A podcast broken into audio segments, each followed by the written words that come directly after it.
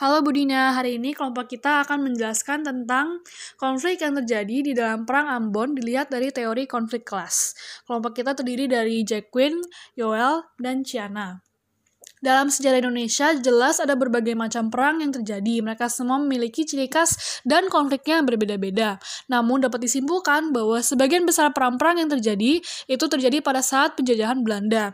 Hal ini terjadi karena adanya perbedaan kelas yang jelas dan tidak adil antara rakyat, Indone rakyat Indonesia dengan uh, penjajahan Belanda. Karena itu rakyat Indonesia sadar bahwa memang merupakan hak mereka untuk melawan dan menyetarakan uh, hak mereka dan uh, mengeluarkan pendapatan mereka.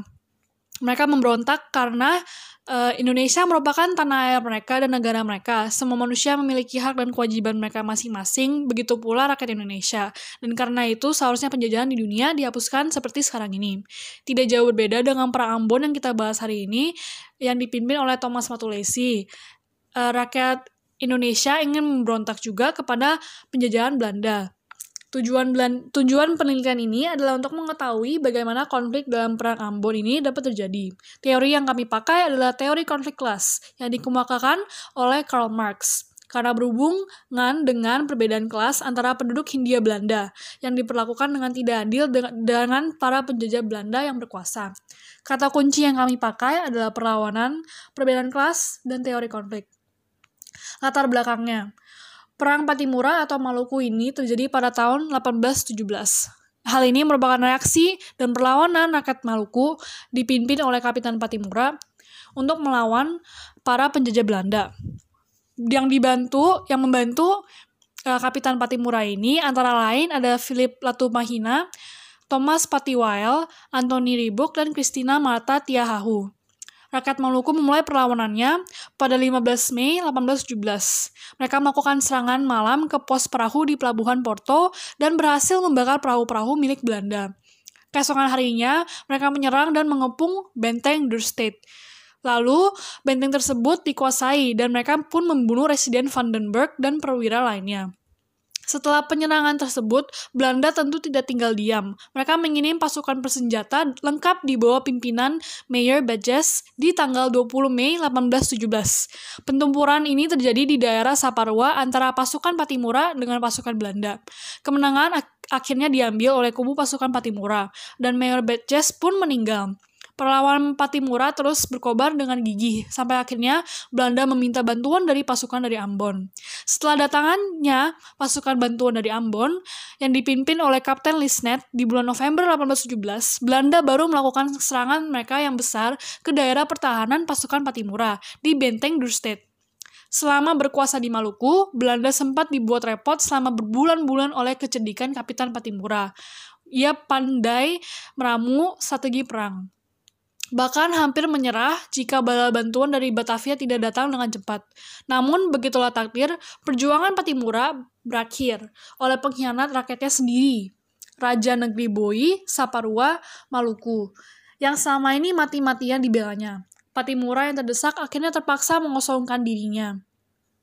Pasukan mereka e, banyak yang jatuh ke tangan Belanda. Satu persatu pimpinan pasukan Patimura tertangkap sampai akhirnya Patimura sendiri juga ditangkap. Ia akhirnya pada tanggal 16 Desember 1817 dihukum dan digantung di benteng New Victoria Ambon. Untuk menghormati jasanya, Patimura dikukuhkan sebagai pahlawan perjuangan kemerdekaan dan namanya diabadikan uh, sebagai nama bandara dan nama universitas. Sebab terjadinya Perang Patimura atau Maluku. Ada empat. Yang pertama itu kembali kekuasaan Belanda di Nusantara setelah penguasaan Inggris. Yang kedua, adanya kerja wajib menyediakan bahan-bahan untuk perbaikan kapal Belanda. Yang ketiga, banyak tenaga pribumi di Maluku yang dijadikan tentara perang karena wajib militer bagi pemuda, bagi pemuda Ambon. Dan terakhir juga adanya pelayaran Hongi, memonopoli rempah-rempah dan juga hak ekstripasi, hak memusnahkan pohon pada dan juga cengkeh, tidak ikut aturan permonopolian. Terjadinya perang Patimura disebabkan oleh dampak kolonialisme dan imperialisme yang terjadi. Kolonialisme itu adalah upaya yang dilakukan negara-negara penguasa dalam rangka menguasai suatu daerah atau wilayah untuk mendapatkan sumber daya tertentu. Imperialisme sendiri adalah suatu sistem penjajahan langsung dari suatu negara terhadap negara lain. Kolonialisme dan imperialisme memiliki dampak luas terhadap bangsa Indonesia dalam berbagai bidang kehidupan, seperti ekonomi, politik, sosial, budaya, dan juga pendidikan. Perlawanan Maluku ini melawan dampak kolonialisme dan imperialisme dalam bidang ekonomi dan juga politik. Dalam bidang ekonomi, peperangan ini terjadi karena Beredarnya uang kertas, permintaan bahan bangunan, tanam paksa, permintaan ikan asin, kopi, garam, dan pemaksaan penanaman pala. Dan juga selain bidang ekonomi, ada pula bidang politik, yaitu karena adanya campur tangan VOC terhadap masalah internal pada kerajaan yang ada di Indonesia. VOC berupaya memperuncing persoalan dengan memihak salah satu kubu yang bersedia bekerja sama dengan VOC. Maka, bentuk intervensi yang paling sering pada masa VOC adalah dalam kasus perebutan takhta. Pada masa pemerintahan Belanda, Belanda bertindak sewenang-wenang terhadap bangsawan dan raja-raja pribumi. Maka, mereka diperlakukan sebagai bawahan. Sekarang yang akan kami bahas dalam presentasi kali ini adalah bagaimana konflik dapat terjadi dalam Perang Ambon. Lalu bagaimana kaitan teori konflik dengan Perang Ambon?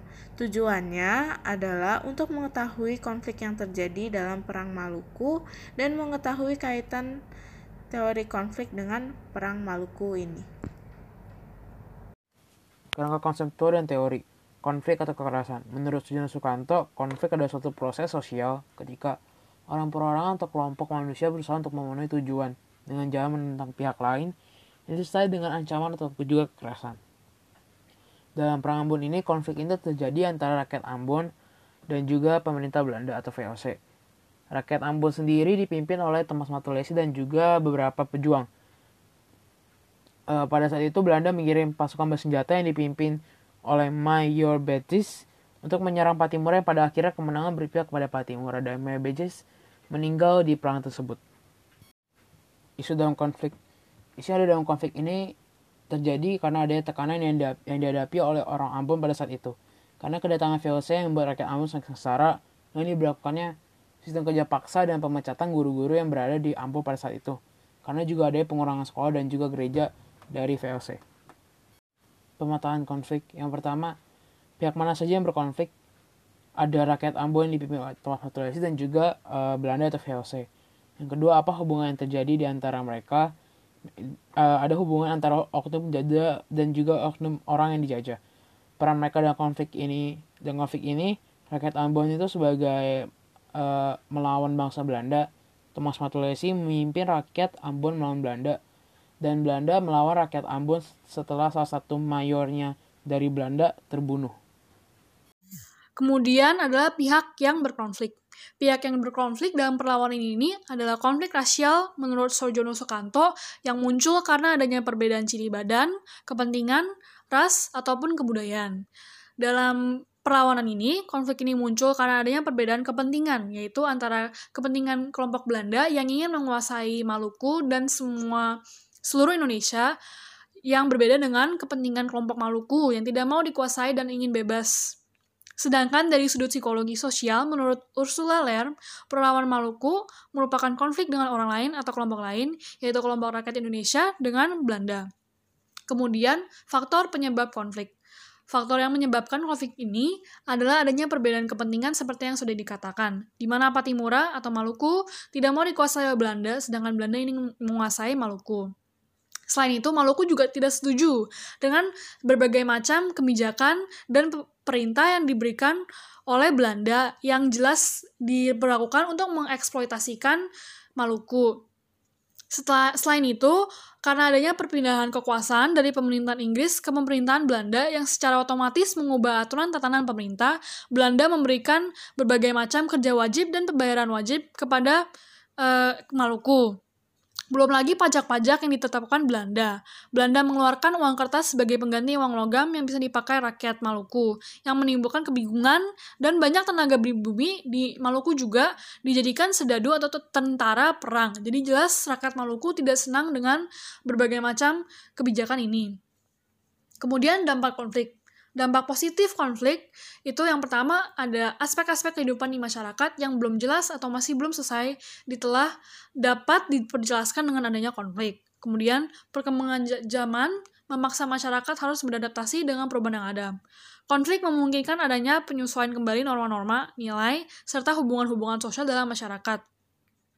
Kemudian, dengan kebutuhan individu atau kelompok dalam konflik, Sebenarnya konflik ber berfungsi efektif dalam meningkatkan solidaritas sesama anggota kelompok yang sedang berselisih dengan kelompok lain. Kemudian dampak negatif adanya konflik adalah e, memicu rusaknya hubungan antara individu dan kelompok. Memakan korban berupa kerusakan harta, benda, dan juga nyawa manusia, dan berubahnya kepribadian para individu yang terlibat, baik hal positif maupun negatif. Kemudian, resolusi konfliknya. Setiap konflik tentu memiliki resolusi mereka sendiri-sendiri dengan cara mereka yang berbeda-beda. Contoh resolusi konflik yang ada itu negosiasi, di mana pengambilan keputusan dalam konflik itu diambil pihak-pihak yang terlibat. Selain itu ada juga resolusi dengan cara arbitrasi, yang melibatkan arbiter dalam pengambilan keputusan.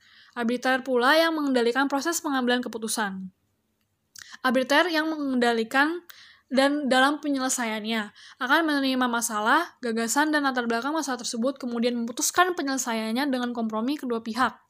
Setiap jenis resolusi konflik bisa memecahkan tiap-tiap konflik yang telah terjadi, sesuai dengan jenis masalahnya sendiri-sendiri.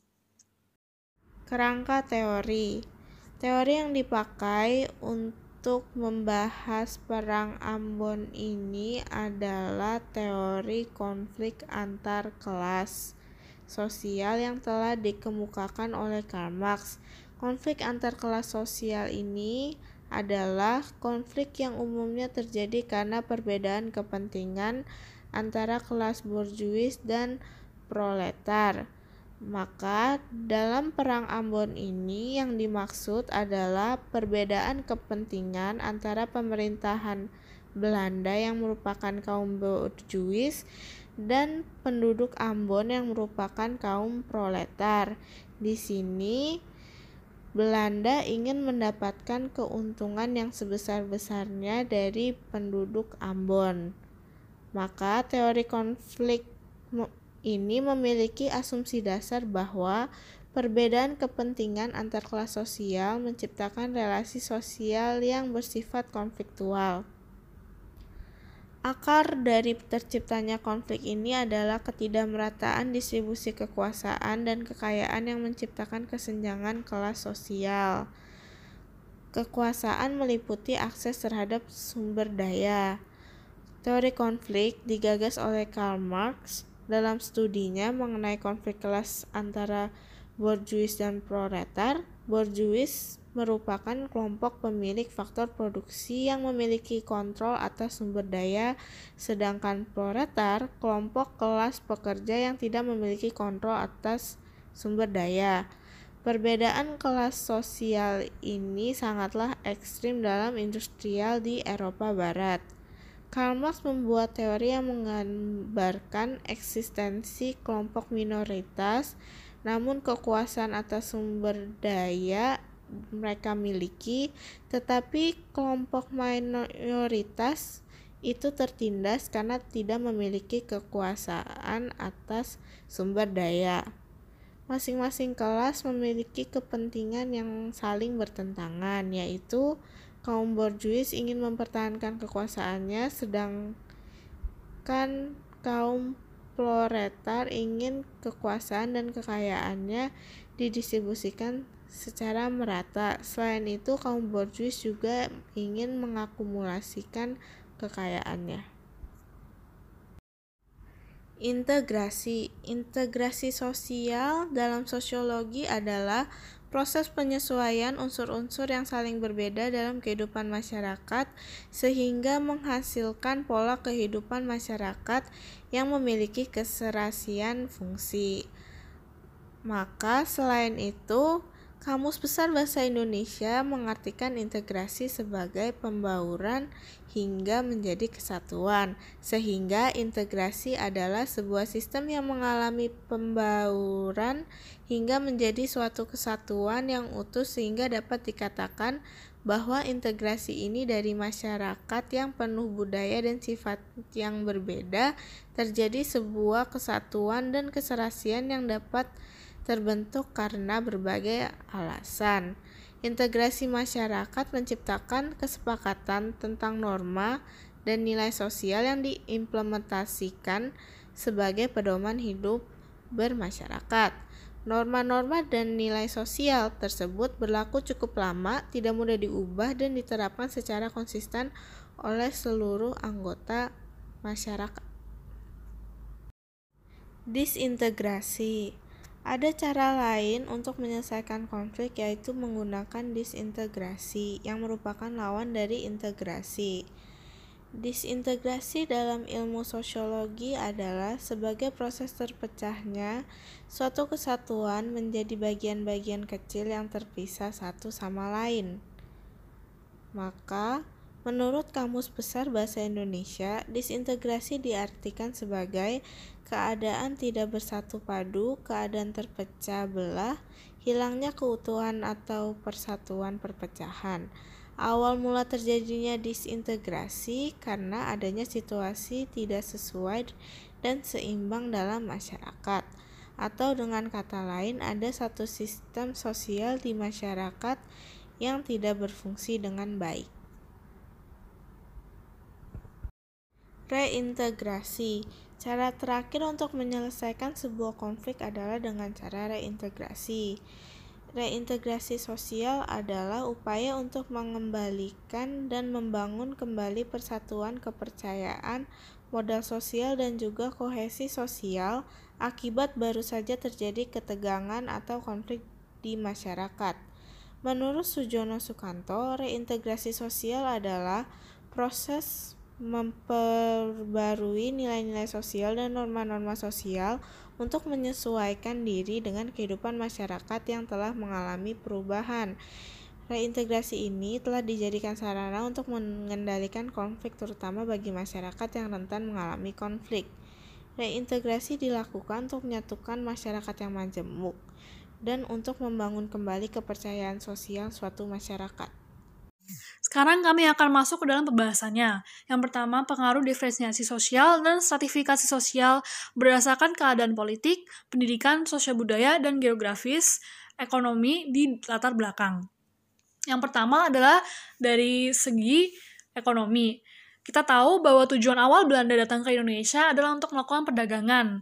Ya, karena Indonesia kaya akan rempah-rempah. Mereka ingin menguasai perdagangan Indonesia untuk memenuhi tujuan mereka yaitu gold, glory, dan gospel atau atau kekayaan, kejayaan, dan agama. Yang mereka ingin penuhi adalah kekayaan, mereka ingin mendapatkan kekayaan yang banyak dan mereka melihat Indonesia sebagai salah satu bangsa yang muda. Karena itu mereka membuat VOC. Uh, persekutuan atau kongsi dagang Hindia Timur. Karena negara Indonesia dikenal dengan penghasilan rempah-rempah, sehingga Belanda mau mendapatkan monopoli perdagangan Indonesia ini.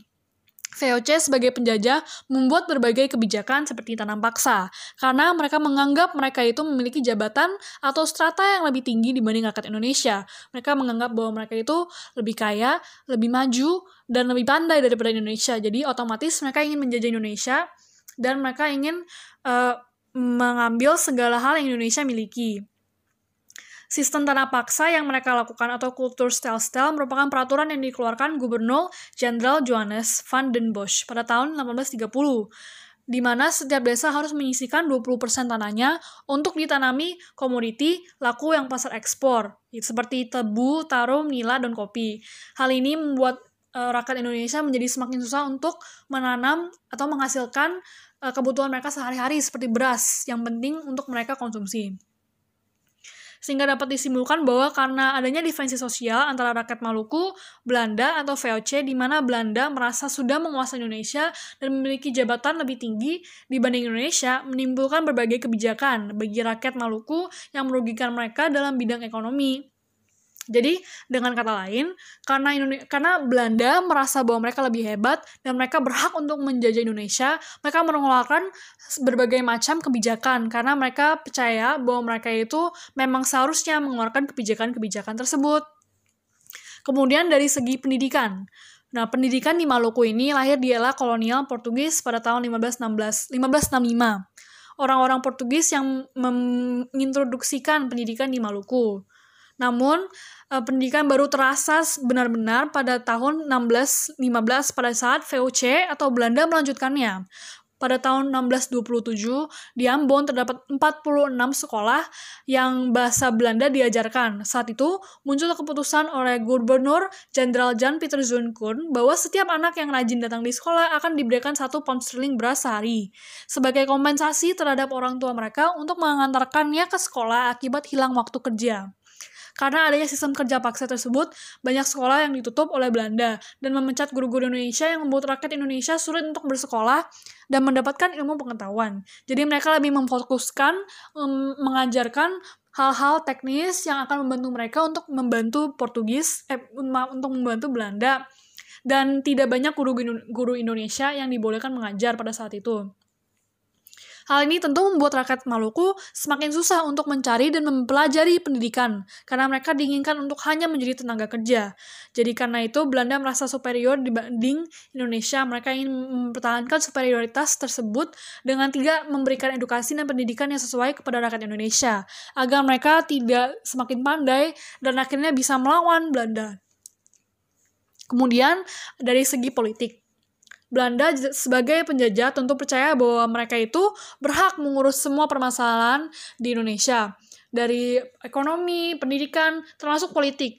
Jadi mereka merasa mereka itu harus ikut campur masalah internal kerajaan-kerajaan Indonesia. Karena pada saat Belanda datang ke Indonesia, eh, Indonesia belum tersatu. Masih ada banyak kerajaan-kerajaan yang memisahkan mereka. Nah, Belanda ikut campur masalah antara berbagai macam kerajaan di Indonesia ini. Belanda juga jelas akan lebih memihak kepada kerajaan-kerajaan yang mau bergabung dan membantu dengan VOC, seperti membuat perjanjian dengan mereka atau traktat dengan mereka, sehingga membuat terjadinya perebutan takta dan juga VOC berlaku semenang-menang dengan raja dan rakyat pribumi. Nah, e, hal ini disebut defeat at empera atau politik pecah belah yang merupakan sebutan untuk strategi di mana uh, bertujuan mendapatkan dan menjaga kekuasaan dengan cara memecahkan kelompok besar menjadi kelompok-kelompok kecil dan lebih mudah ditaklukkan. Dalam konteks lain, politik pecah belah juga berarti mencegah kelompok-kelompok kecil untuk bersatu dan menjadi suatu kelompok besar. Jadi ini lebih meyakinkan Belanda bahwa mereka akan selalu menjadi Indonesia. Kemudian yang kedua, sekarang kami akan menjelaskan tentang konflik atau kekerasan pada uh, Perang Ambon ini. Konflik yang terjadi antara rakyat Ambon dan Belanda ini dipimpin oleh Thomas Patulesi, atau yang dikenal sebagai Kapten Patimura, dibantu oleh beberapa pejuang yang sudah disebut sebelumnya untuk melawan penjajah Belanda yang berada di Ambon.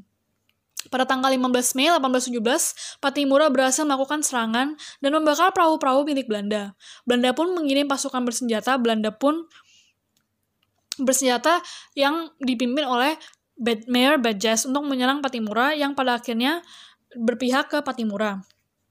Kemudian uh, menjelaskan tentang isu dan konfliknya, isu yang diperlihatkan adalah kedatangan Belanda ke Maluku atau ke Indonesia sebagai jenderal yang membuat rakyat uh, Maluku semakin sengsara dan susah karena berbagai uh, macam kebijakan, hal dan uh, kegiatan lain yang diberikan oleh Belanda seperti kerja paksa dan kebijakan lain-lainnya, dan pajak yang diberikan juga. Selain itu, rakyat Maluku juga berkurang pengalaman pendidiknya karena dihapuskan berbagai sekolah oleh Belanda. Belanda jelas-jelas mengeksploitasikan rakyat Maluku untuk mendapatkan apa yang mereka inginkan, baik itu kuasa maupun rempah-rempah dan kekayaan. Kemudian pemetakan konfliknya. Yang pertama, pihak yang berkonflik itu dari pihak rakyat Ambon yang dipimpin oleh Thomas Matulesi dan pihak Belanda yang awalnya dipimpin oleh Mayor Badges. Lalu hubungan yang terjadi antara mereka itu antara oknum penjajah yaitu uh, penjajah Belanda dengan oknum yang dijajah yaitu rakyat Indonesia atau rakyat Ambon. Kemudian perang mereka dalam konflik ini itu yang pertama rakyat Ambon itu mereka jelas uh, perannya untuk melawan bangsa Belanda dan untuk mempertahankan tanah air mereka. Kemudian uh, Thomas Matulesi yang berperan dari ini itu memimpin perlawanan rakyat Indonesia, rakyat Ambon untuk melawan Belanda. Kemudian peran Belanda adalah untuk melawan rakyat Ambon setelah salah satu mayornya terbunuh. Berbentuk konflik dalam perang Maluku ini konflik yang terjadi itu ada konflik realistis Di mana konflik realistis itu adalah konflik yang berasal dari kekecewaan individu atau sebuah kelompok terhadap sistem dan tuntutan-tuntutan yang terdapat dalam hubungan sosial. Uh, hari ini hal ini terlihat saat Patimura dan juga masyarakat Ambon merasa kecewa dengan kebijakan-kebijakan yang dikeluarkan oleh VOC seperti tanam paksa dan lain-lain yang membuat rakyat Ambon akhirnya menjadi lebih menderita dan sengsara. Yang pada akhirnya juga menimbulkan berbagai kemis bagi masalah seperti kemiskinan, kelaparan, dan juga kematian. Hal ini pada akhirnya membuat rakyat Ambon semangat untuk melawan VOC dengan dipimpin oleh Thomas Matulesi. Pihak yang berkonflik yang pertama itu dari masyarakat Ambon itu ada Thomas Matulesi, Philip Latumahina, Thomas Patiwell, Rani Ribuk, Christina Marta, Tia Hahu. Mereka semua ingin melakukan perlawanan kepada Belanda atau VOC karena mereka ingin membebaskan rakyat Ambon dari penjajahan mereka.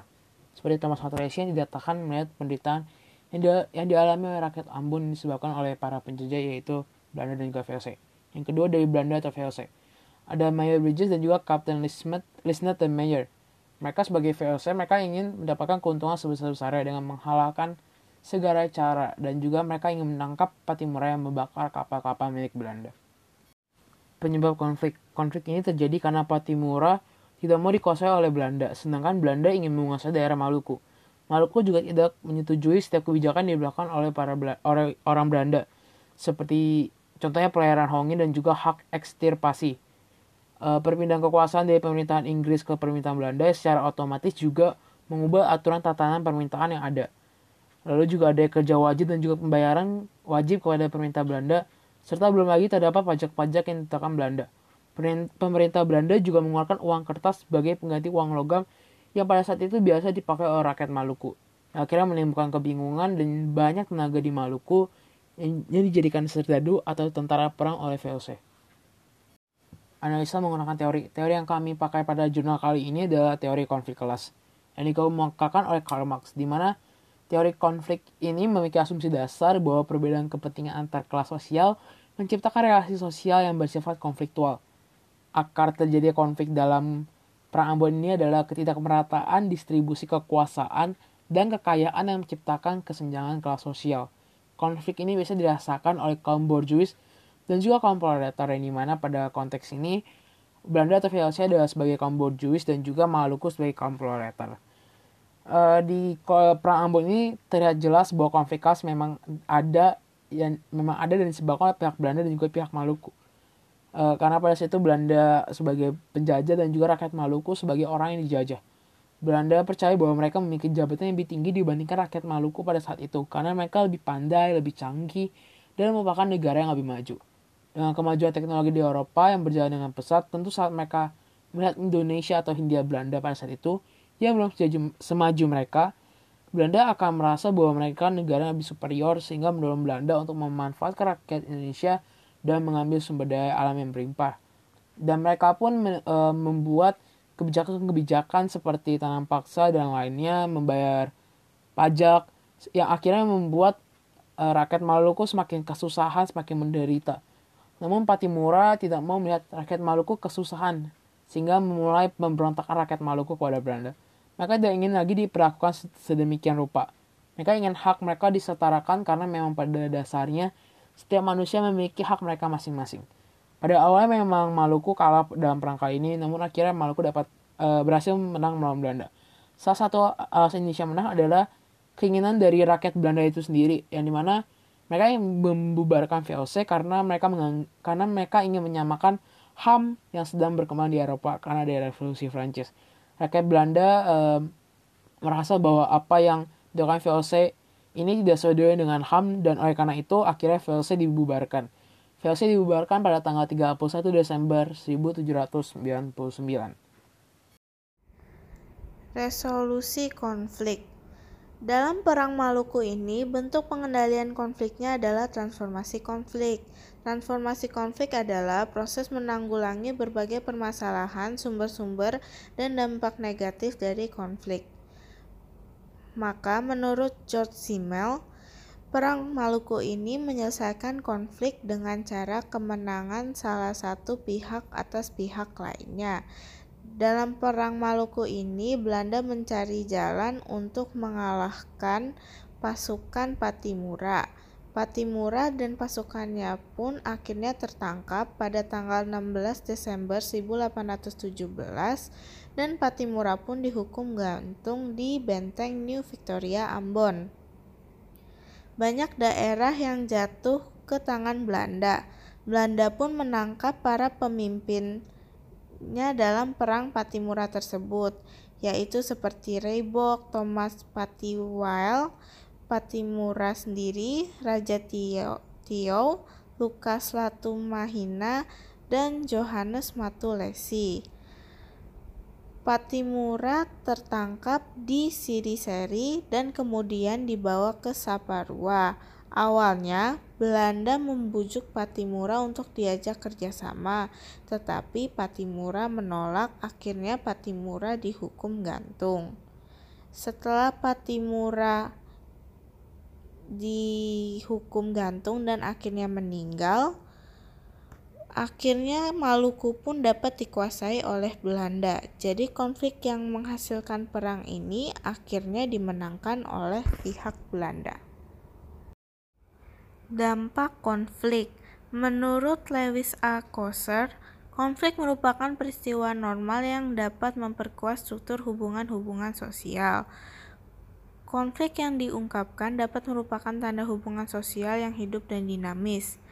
Segi positif dalam Perang Maluku adalah konflik memungkinkan adanya penyesuaian kembali norma-norma, nilai-nilai, serta hubungan sosial dalam kelompok yang bersangkutan dengan kebutuhan individu atau kelompok lainnya. Dalam hal ini, Belanda dapat menyesuaikan kebijakan-kebijakan yang ada di Maluku. Sedangkan ada pula segi negatifnya, jatuhnya korban manusia, banyak pasukan-pasukan yang mati dan ditangkap. Lalu berubahnya sikap kepribadian pada individu. Karena Belanda datang ke Maluku, akhirnya Patimura pun menimbulkan rasa benci pada Belanda dan pasukannya terhadap Belanda yang mau merebut kekuasaan Maluku tersebut. Hal tersebut juga menjadikan peperangan sebagai solusi atas penyelesaian dalam masalah Belanda tersebut. Integrasi Perang Ambon ini terjadi karena perbedaan ras antara masyarakat Indonesia yang dijajah dengan VOC yang berasal dari Belanda yang menjajah Indonesia. Maka, selain ada perbedaan ras, di Perang Ambon ini pun telah terjadi perbedaan bahasa, yaitu masyarakat Ambon dengan bahasa daerah Ambon, sedangkan VOC dengan bahasa Belanda. Disintegrasi Awalnya masyarakat Ambon menyambut VOC dengan ramah yaitu karena VOC memiliki tujuan awal berdagang rempah-rempah. Namun terjadi perpecahan karena akhirnya VOC merubah tujuan mereka menjadi menjajah Ambon pada saat itu. VOC pun juga membuat kebijakan-kebijakan yang dinilai oleh masyarakat Ambon, salah satunya Thomas Matulesi yaitu kebijakan-kebijakan itu dinilai sangat merugikan masyarakat Ambon seperti contohnya tanam paksa dan lain-lain. Karena hal tersebut membuat masyarakat Ambon menjadi semakin menderita sehingga masyarakat Ambon dipimpin oleh Thomas Matulesi melakukan pemberontakan kepada VOC. Reintegrasi Menurut Sujono Sukanto, reintegrasi adalah proses pembentukan kembali norma-norma dan nilai-nilai baru untuk menyesuaikan diri dengan lembaga-lembaga kemasyarakatan yang mengalami perubahan. Reintegrasi terlaksana apabila norma-norma atau nilai-nilai baru telah melembaga dalam diri warga masyarakat. Maka dari itu, dalam Perang Maluku ini, Belanda berusaha melakukan penyesuaian dengan masyarakat Maluku agar konflik bisa terselesaikan, seperti mengajak Patimura merundingkan permasalahannya agar dapat terjalin kerjasama. Tetapi karena Patimura tidak mau, akhirnya Patimura pun dihukum gantung. Dan kekuasaan Maluku jatuh ke tangan Belanda. Kemudian yang terakhir adalah penutupnya. Kesimpulannya adalah dalam analisis perang Maluku ini, bentuk dari konflik ini adalah bentuk realistis. Pihak yang berkonflik adalah pihak rakyat Ambon yang dipimpin oleh Thomas Matulesi dan pihak dari Belanda yang dipimpin oleh Mayor Bejes dan lain-lain. Hubungan mereka adalah antara oknum penjajah dan oknum uh, orang yang dijajah atau kelompok yang dijajah. Faktor terjadinya perang ini adalah Patimura yang tidak di tidak mau atau tidak ingin dikuasai oleh Belanda, sedangkan Belanda ingin menguasai daerah Maluku dan juga Indonesia.